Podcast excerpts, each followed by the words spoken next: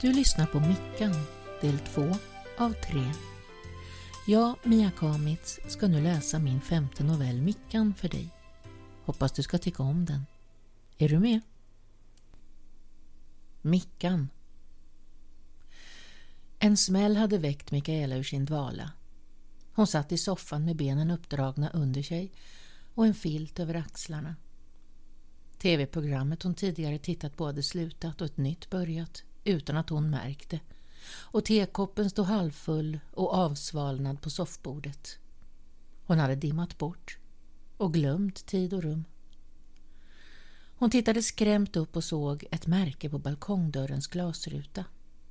Hon svängde benen över soffkanten, lämnade filten och gick de få stegen bort mot dörren. Det låg en svart koltrast på balkonggolvet. Den hade flugit rakt in i rutan. Nu låg den där och hon kunde se hur den lilla bröstkorgen hävde sig upp och ner. Den var inte död. Fågelns små runda pepparkornsögon stirrade sorgset och hjälplöst på henne. Mikaela fick genast tårar i ögonen. Det växte snabbt till en häftig gråt och hulkande knöt hon armarna runt magen som värkte och vred ihop sig. Efter en stund fanns inga tårar kvar och hon hade fått en lugnare andning. Hon hämtade kameran som låg i bokhyllan och bytte objektiv och monterade på blixten. Klockan var över åtta, men det var ändå inte tillräckligt ljust för att eh, klara sig utan. Oktobermorgon, med en trött sol som knappt orkat upp, färgade molnen svagt gulrosa. Konstigt nog skar det sig inte ihop med höstlövens gulrödgröna. Hade man försökt måla en tavla av den vin hade det blivit en skrikig färgbomb, men naturen lyckades presentera en magnifik syn. De som inte bodde på tredje våningen gick med säkerhet miste om miraklet. Det här var livets grymma verklighet. Det underbart vackra i en mix av det fula och hemska. Hon knäppte en bildserie av utsikten och sen på den kolsvarta fågeln som nu låg stilla på det kalla grönmålade betonggolvet. Solen gav de blanksvarta ögonen och fjäderdräkten små blänk, som ett gnistrande rampljus. Hon skulle hedra denna meningslösa död med något fint. Ett fotomontage till en bild och hon gick genast bort till datorn och tankade över bilderna och började jobba. Skönt att vara sysselsatt med något än att bara sitta och vänta.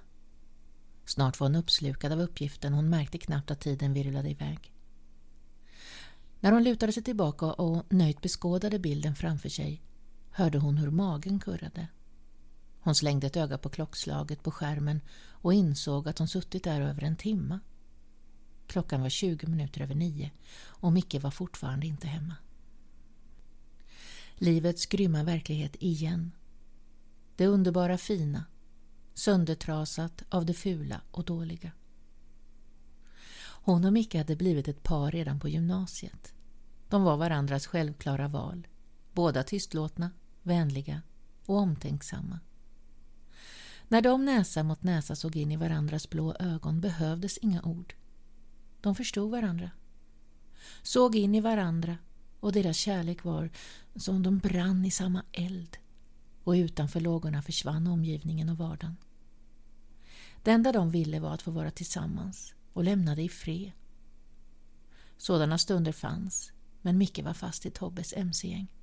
Helt i deras klor. En signal från Tobbe och han agerade på autopilot. Hon visste att han inte ville. Hon kunde se det i hans sorgsna ansiktsdrag. Men vem skulle våga något annat? Hon förstod, men hatade det. Det var lika illa för hans bror Mogge. Om inte ännu värre. Det var på hans verkstad de hängde allihop. Vad som hände där ville hon inte veta. Men oegentligheter i olika former kunde man räkna med. Tobbe ville att hon också skulle vara där. Han hade babblat om att det var som en stor familj där man tog hand om och ställde upp för varandra men Mikaela hade än så länge lyckats hålla sig undan. Hon jobbade på oregelbundna tider och hade sitt fotograferande vid sidan av. Vart i hela friden höll han hus? Sent kunde det bli ibland, Men nu var det länge sedan en ny dag hade grytt och han hade ju ett jobb att sköta. Skulle hon bli orolig? Hon var orolig. Hans mobil var avstängd. Hon hade lämnat otaliga sms och försökt ringa flera gånger. Hon hade ringt Mogge också men inte fått något svar. Förhoppningsvis var de tillsammans. Mogge var snäll. Det fanns ingenting han inte skulle göra för sin lillebror. Det borde inte vara en fest som spårat ur i vanlig ordning. Det hade man knappast på en söndag. Det måste vara något annat. Hur som helst var det inte ovanligt att han inte hörde av sig när han var med Tobbe. Det var som om man ville hålla Mikaela utanför skiten och inte smutsa ner det som var deras fina. När han jobbade åt Katarina och hennes företag för Ingeborg var det annat. Då hörde han av sig och det hördes på honom att han var stolt med arbetet och trivdes.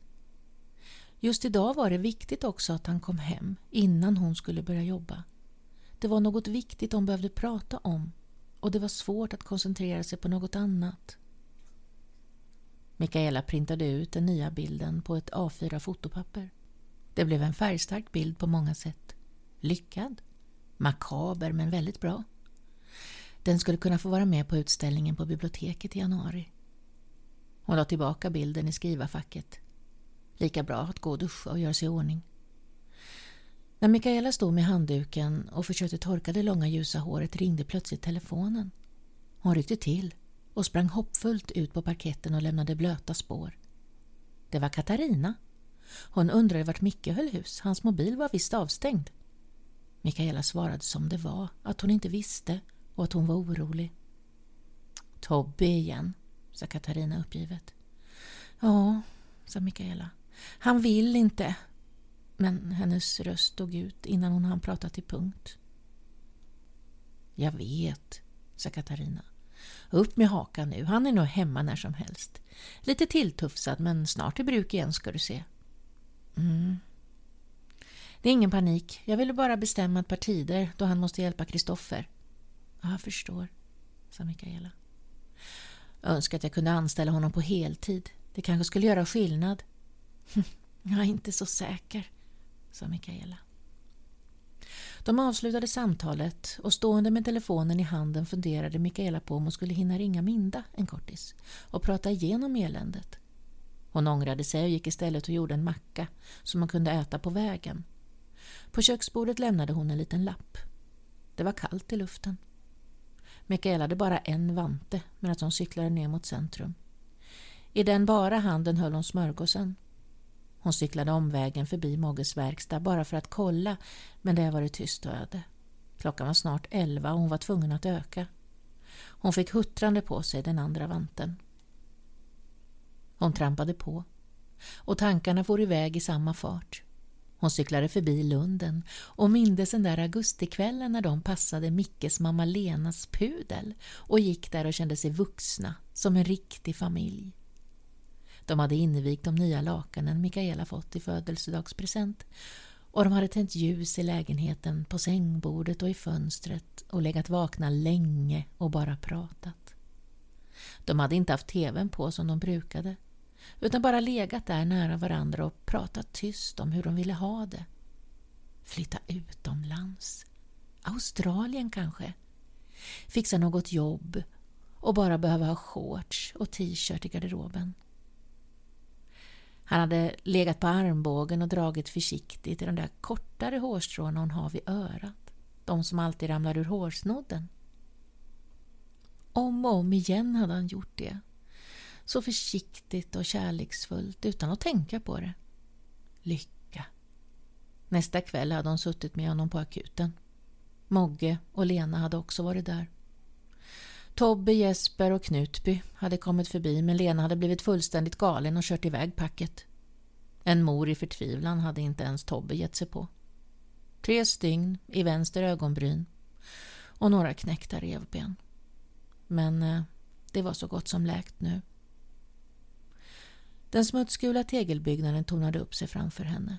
Hon parkerade cykeln och drog ett djupt andetag. När hon väl gick på sitt pass på avdelningen blev det snabbt så fullt upp att hon knappt hann gå på toaletten. När Mikaela kom hem efter jobbet och cykelturen var hon stelfrusen. Det var säkert någon minusgrad och månen lyste gul från molnfri kvällshimmel. Det kändes som om det var natt. Det var hög tid att ta fram vinterjackan och benvärmare. Det var mörkt och tyst i lägenheten. Hon fick genast en klump i magen. Vart var han någonstans? Skulle hon kontakta polisen? Det kunde hon ju inte göra så länge alla gänget verkade som bortblåsta. Men vad höll de på med? Hon tände in till hallen. Hon skulle bara ordna lite makaroner och ta med sig till soffan. Hon började tidigt i morgon och behövde komma i säng. Eftersom hon var frusen gick hon in i sovrummet för att hämta tofflor och morgonrock. Där låg han, i sängen. Han sov tungt, andades nästan ljudlöst. Hon sa hans namn, ville att han skulle vakna och prata med henne. Men han svarade inte. Hon satte sig på sängkanten och drog försiktigt handen i hans hår. Men han reagerade inte. Han var fullständigt utslagen. Men han luktade inte sprit. Mikaela fick tårar i ögonen och blev rädd för allt hon inte visste och förstod. Hon reste sig långsamt och lämnade rummet och stängde till dörren lite. Efter makaroner, lite tv och en dusch hade klockan blivit nio och det hördes fortfarande inte minsta livstecken från Micke. Hon borstade tänderna och släckte och kröp naken ner bredvid hans sovande kropp. Hon makade sig tätt intill hans rygg och borrade in näsan i hans hår. Det var hon som brukade klippa det. Han hade klagat på att han var långhårig, men hon tyckte om det och att han slätrakade sig till skillnad från de andra. Han rörde sig inte. Jag älskar dig, viskade hon. Nästa morgon ringde mobilen klockan 06.10 och Mikaela märkte att sängen var tom. Vad i helsike! Hade han försvunnit igen? Hon hoppade snabbt ur sängen för att kolla badrummet, men lägenheten var tom. På köksbordet låg lappen hon hade skrivit. Den låg kvar, men han hade vänt på den och skrivit på baksidan Jag älskar dig med. Mikaela gick med hastiga steg fram till balkongen och öppnade. Hon fick ta ett kliv över den döda fågelkroppen som hade sjunkit ihop lite. Glansen hade lämnat fjäderdräkten eftersom himlen var täckt av moln och det inte hade hunnit ljusna än. Hon huttrade till när hon lät ögonen svepa över gatorna där nere i hopp om att få se en skymt av Micke. Inget. Gatorna låg tomma och det var bara i ett fåtal fönster det lyste. Hon slog till med knytnäven i balkongräcket så det kom i svängning med ett dovt ringande. Åh! skrek hon och det ekade mellan husen. Ännu en kväll i soffan och en tallrik makaroner. Han hade inte hört av sig. Hon hade ringt Lena, men hon hade inte svarat. Mikaela kände sig som världens mest ensamma människa. Vid strax efter nio hade hon tagit mod till sig och ringt till Katarina. Hon hade verkat stressad och samtalet blev kort. Hon sa någonting om bilen. Hon sa också att hon skulle kontakta en polisman hon kände och be honom ringa henne när han kunde. Mikaela satt med luren kvar i handen och undrade om hon skulle höra av sig till sin mamma. Hon skulle gärna vilja berätta sin nyhet eller lilla hemlighet men ville ju berätta för Micke först. Hon la instinktivt handen på sin mage. Hon skulle bli tvungen att börja äta lite bättre. En tallrik makaroner var inte tillräckligt i hennes tillstånd. Visst skulle väl Micke bli glad? Innan hon gick till säng skulle hon lägga i en tvätt. Då kunde hon hänga den i lägenheten på morgonen så var den torr när hon kom hem från jobbet. Det skulle vara skönt att ha en ledig fredag. Då blev helgen extra lång, tänkte hon. Då måste väl i alla fall Micke vara tillbaka. Hon skulle inte ge sig förrän han berättat för henne vart han varit. Det fick vara slut med det här livet nu. De skulle ju bli en liten familj. Hon sorterade mörkt och ljust i tvättkorgen när hennes händer plötsligt fick tag på Mickes strumpor. Det rådde ingen tvekan. Det var blod på den ena. Hon vände och vred på den och hon kunde konstatera att det inte var ett skavsår. Var blodet hans? Eller var det någon annans? Hade han sparkat någon eller var det han som var skadad? Hon rev bland plaggen i tvättkorgen för att se om hon kunde hitta något mer men han verkade fortfarande ha samma jeans på sig. För säkerhets skull gick hon till garderoben för att se om några andra kläder saknades. Han kanske hade dumpat sina kläder och tagit nya. Men varför hade han då sparat strumporna? Han hade inte märkt blodet på dem. Så kunde det vara. Inga andra byxor saknades vad hon kunde se. Men det saknades en bag. Det hade hon inte märkt innan. Hon hade inte tänkt på att se efter i Mickes garderob om det saknades något. Det var en marinblå sportbag som brukade stå på garderobsgolvet och nu var den borta. Hon blev alldeles kallsvettig av oro. I den brukade han förvara pass och lite andra värdesaker. Sen dök en ny tanke upp i hennes huvud och hon slank kvickt ut i hallen och la sig på alla fyra vid skohyllan. Hon synade golvet efter blodspår. Det hade ju varit torrt och fint väder så sulorna hade inte dragit in någon smuts eller gjort våta avtryck. Det fanns ett litet märke på golvet. Man hade lätt kunnat förväxla det med ett jordigt avtryck men när hon tittade nära såg hon att det skiftade i rött. Det var blod.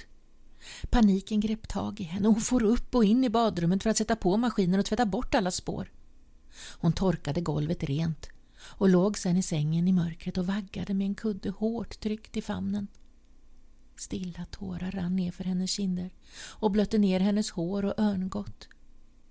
Hennes huvud bultade och hon visste hur svullen och rödögd hon skulle se ut imorgon. Vad skulle hon ta sig till?